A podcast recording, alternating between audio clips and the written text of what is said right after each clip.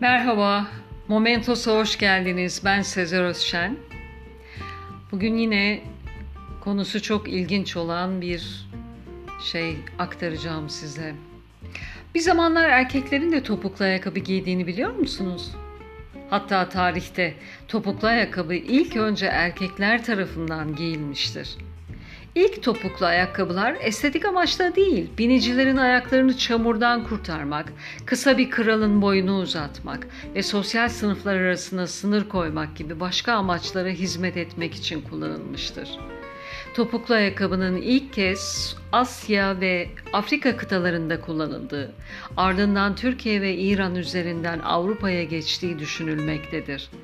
Antik Mısır'da ayakkabı sınıfsal ayrımı gösteren bir eşyadır. Köleler ve yoksullar çıplak ayakla gezerken daha yüksek sınıfa mensup bireyler ayakkabı giyerdi.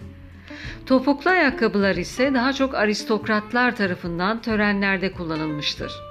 Bugün bildiğimiz anlamda topuklu ayakkabıya benzemeseler de bu ayakkabıların varlığı M.Ö. 3500 gibi erken bir tarihe kadar takip edilebilmektedir. Mısır'da topuklu ayakkabı sınıf belirtme sembolü olarak kullanıldığı gibi kasapların kesim yaparken ayaklarını kandan uzak tutma amacıyla da kullanılmıştır.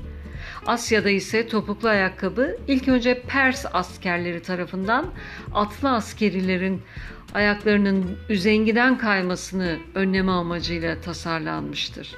Bununla birlikte okçuların da vücut duruşunu düzelttiği ve bacakların sabitlenmesine katkı sağladığı için topuklu ayakkabı giydikleri bilinmektedir. Osmanlı İmparatorluğu ile mücadelesinde Avrupalı müttefik arayışında olan Pers diplomatları 1599'da topuklu ayakkabıları ile Avrupa'yı gezmeye başlayınca Avrupalılar ilk kez topuklu ayakkabı ile tanışırlar. İran kültüründen etkilenerek onlar da topuklu ayakkabı giymeye başlarlar. Avrupa'da kadınlar da bu yeni modaya uyar. Hatta 16. yüzyılda kayıtlara geçen topuklu ayakkabı giyen ilk kadın bir buçuk metrelik boyunu uzun göstermek isteyen ve bu yüzden düğününde topuklu ayakkabı giyen Catherine de Medici olmuştur. Topukluların saçma yükseklere ulaşması pek çok kazaya neden olmuştur. Bu dönemde pek çok hamile kadın topuklu ayakkabıların yol açtığı kazalar yüzünden bebeğini kaybetmiştir diyor yayında. Şimdilerde kadınlar için daha da abartılı olarak tasarlanan topuklu ayakkabıların ayak sağlığı için ileride oldukça kötü sonuçlara sebep olduğu aşikardır.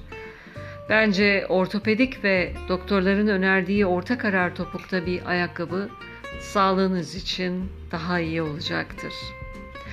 Dinlediğiniz için teşekkürler. Hoşçakalın. Momentos'la kalın.